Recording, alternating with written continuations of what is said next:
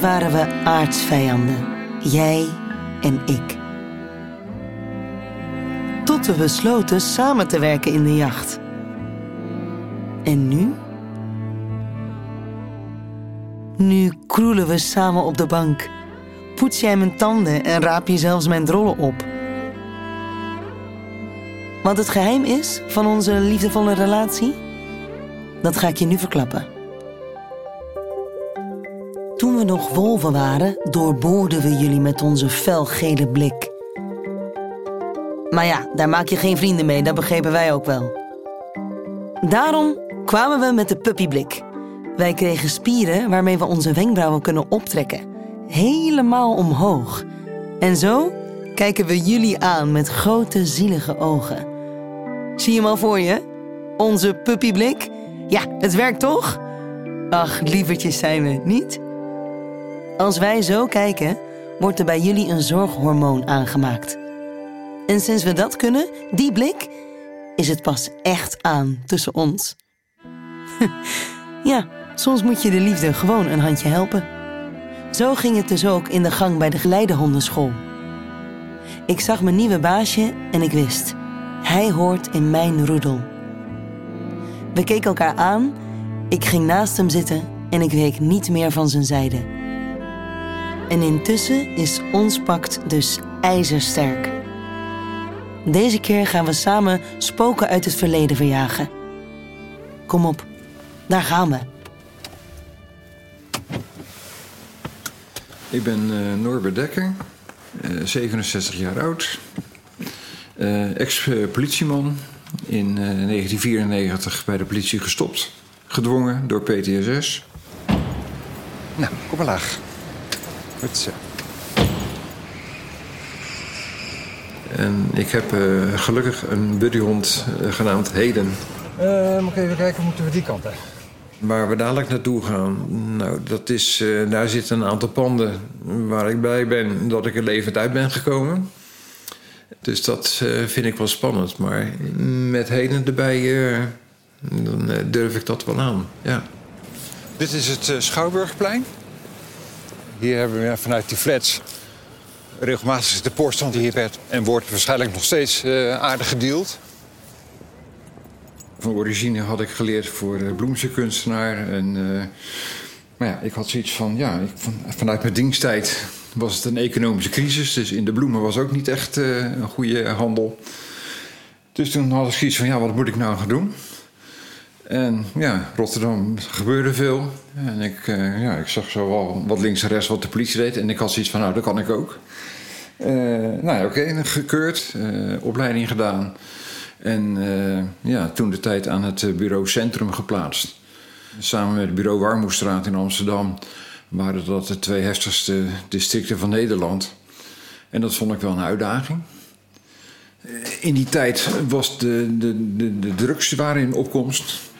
Maar als toen de tijd, als er uh, een pond heroïne werd onderschept, dan was er paniek, want uh, ja, dan was er geen handel meer. Dus dat was heel schaars artikel. Er werd een hoop geld voor betaald. Er werd een hoop geld mee verdiend door de, de criminelen die daarmee bezig waren. En die verdedigden de, de, de inkomsten met ja, te vuur en te zwaard.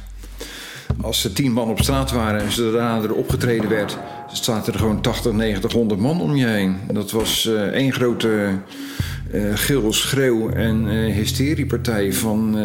ja, het is een heksenketel waar je dan in terechtkomt. Daar liepen mensen met hakmessen rond te zwaaien. nou, alles wat maar dodelijk kon zijn of afschrikwekkend, dat werd gebruikt tegen je.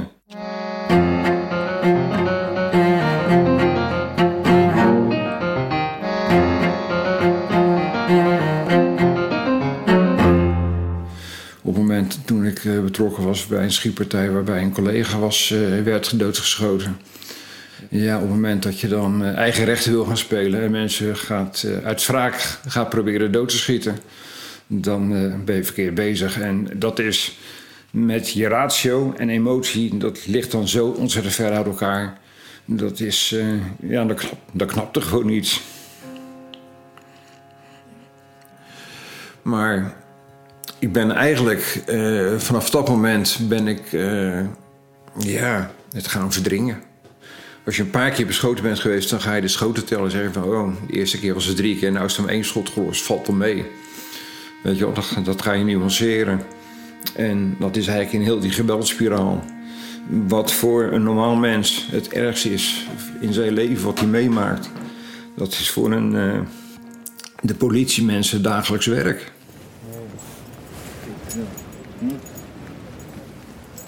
We gaan niet lopen snuffelen hier, we gaan lekker naar beneden toe. Met triggers, als je ze ontwijkt, dan hou je ze alleen maar in stand. Om die reden maak gewoon een aantal plaatsen langs. Het mooie is, als je dat regelmatig doet, dan merk je ook dat het je steeds minder hard gaat raken. Zo, gaan we weer naar de auto toe. Hey.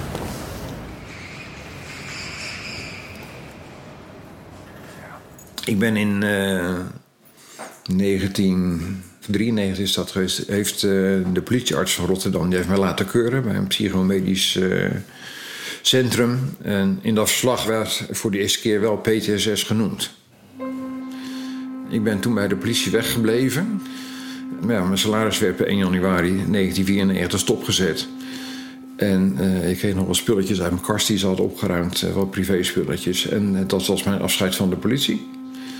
Toen ben ik bij een, een psychotherapeut terechtgekomen.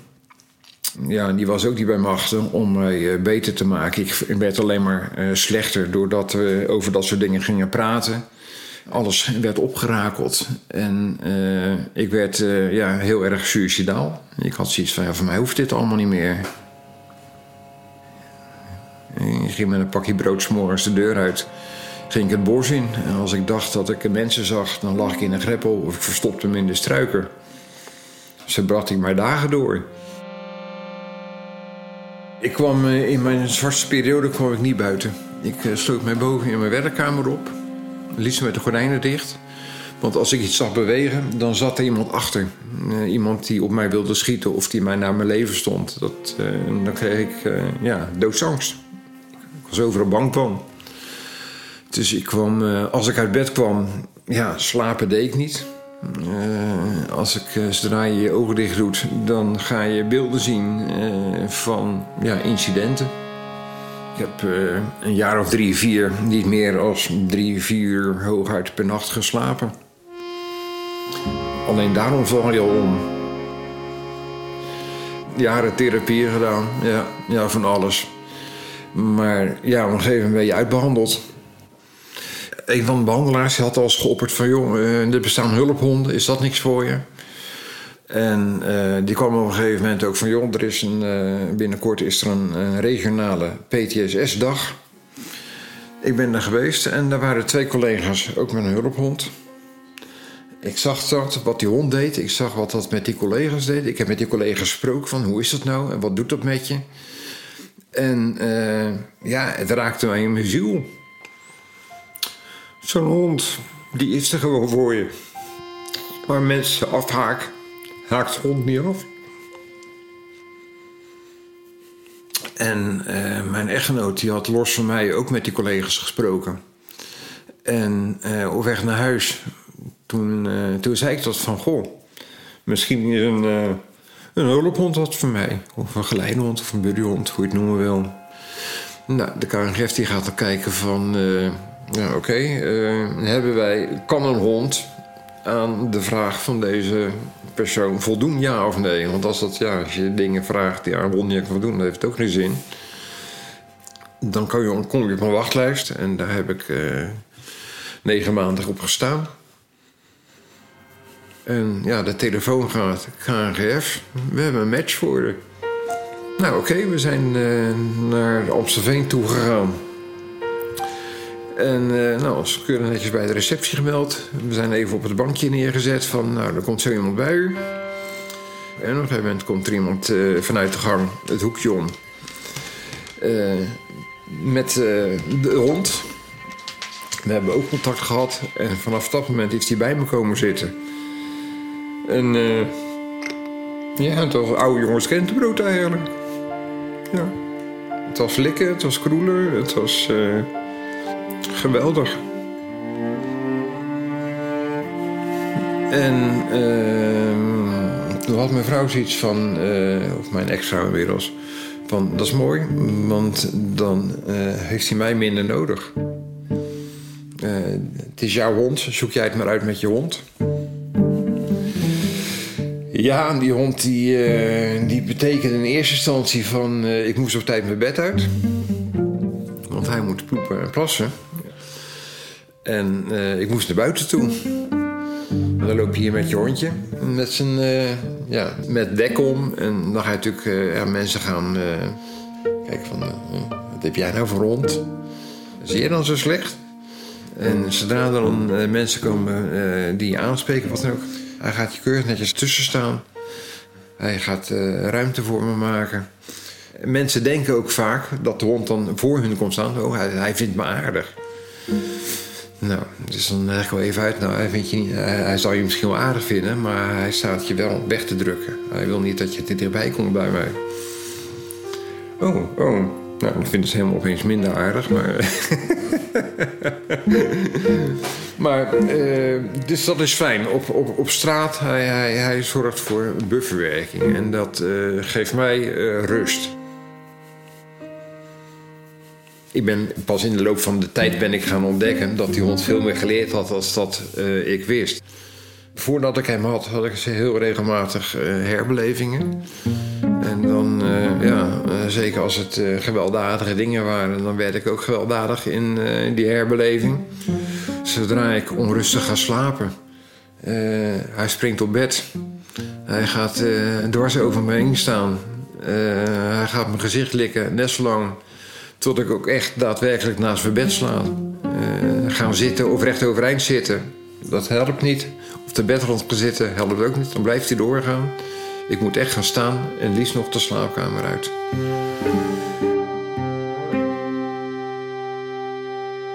Ik ben hem dankbaar. Hij, zorgt voor me.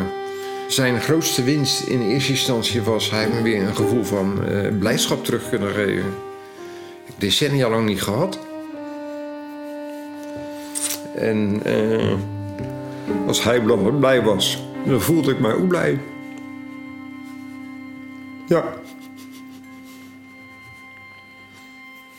Dus ik heb eigenlijk door hem heb ik, ja, is mijn sociale leven weer opgebloeid. Ik heb uh, veel mensen leren kennen. Uiteindelijk heeft hij mij ook een, in, inmiddels mijn, mijn droomvrouw aangeleverd. ja, geweldig. En die wereld die mag er weer zijn.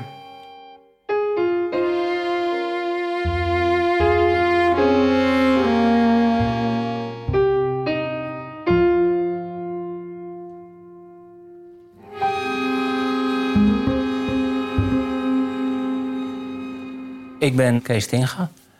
Bij KNGF hebben we uh, tot, ik denk, nou, 12, 13 jaar geleden... trainen we alleen blinde geleidehonden. En uh, maar dat was het uitvalpercentage was dan best wel hoog. Omdat een blinde geleidehond vraag je eigenlijk iets van werklust. Andere kant niet te veel temperament. Want ja, kijk naar de doelgroep, kan niet altijd alles hebben. En er viel eigenlijk een groep honden uit. Hele fijne honden, goed opgevoede honden. Waar we wat, misschien wat, wat anders mee zouden kunnen doen. En de toenmalige directeur heeft toen gezegd van... nou jongens, ga eens kijken. In, in Amerika doen ze wat met PTSS. En uh, nou ja, ik ben zelf veteraan. Ik ben ex-politieagent. Dus nou, toen zei iemand van, nou, dan moet jij dan maar even dat op poten gaan zetten. Prima.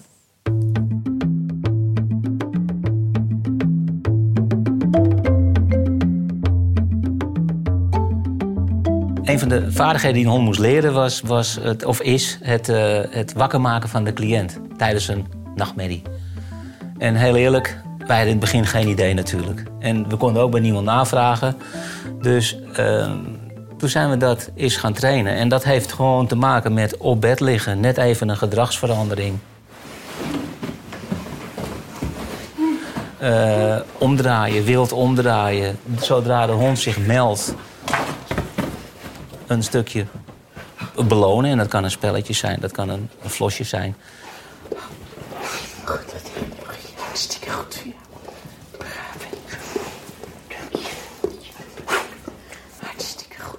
Maar dan moet je weer oppassen dat je dat niet te ver gaat doordrijven. Want dan gaat die hond jou alleen maar uh, op bed springen om wat te verdienen. Dus daar moet je heel met heel veel nuance, heel veel gevoel moet je zeggen van nou, wij gaan die hond leren dat als de baas iets doet in bed, dat hij hem wakker moet maken. Die hond maakt ook wel eens een fout. Nou, ik zal het niet vertellen, maar nou die cliënt die wilde met zijn vrouw die wilde vrijen met zijn vrouw. en de hond lag te slapen en die denkt ineens, wat is hier aan de hand? En die springt boven op bed. Dus je, hij zegt, geen seks vanavond. dat vertelde hij. Nou, dat vind ik een vreselijk leuke verhaal. En daar moet je ook om kunnen lachen. Ik heb een cliënt gehad met apneu. Dus die hield heel sterk zijn adem in. Nou, dat heeft niet iedereen. En die hond begon te reageren op die apneu. Begrijp je? Dus die hond die gaat het gedrag van zijn baas lezen. Het is een beetje een wisselwerking. En dat is het. Ja, ik vind het. Ik word er altijd stil van. Dat is mooi.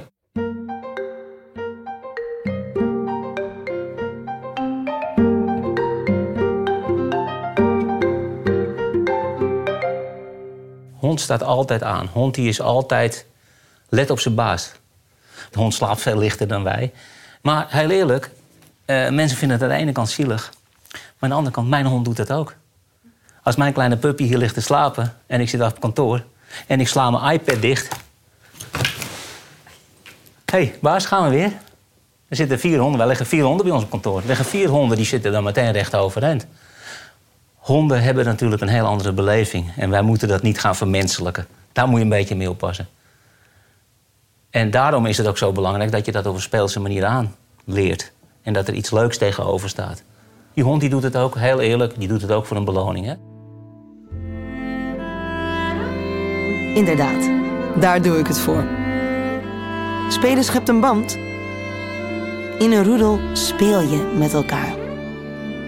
Volgende keer vertel ik hoe ik ervoor zorg dat een jongen weer naar school kan. Net als alle andere kinderen. En vergeet niet, in elk tekkeltje, in elke labradoodle schuilt diep van binnen nog steeds die wilde wolf.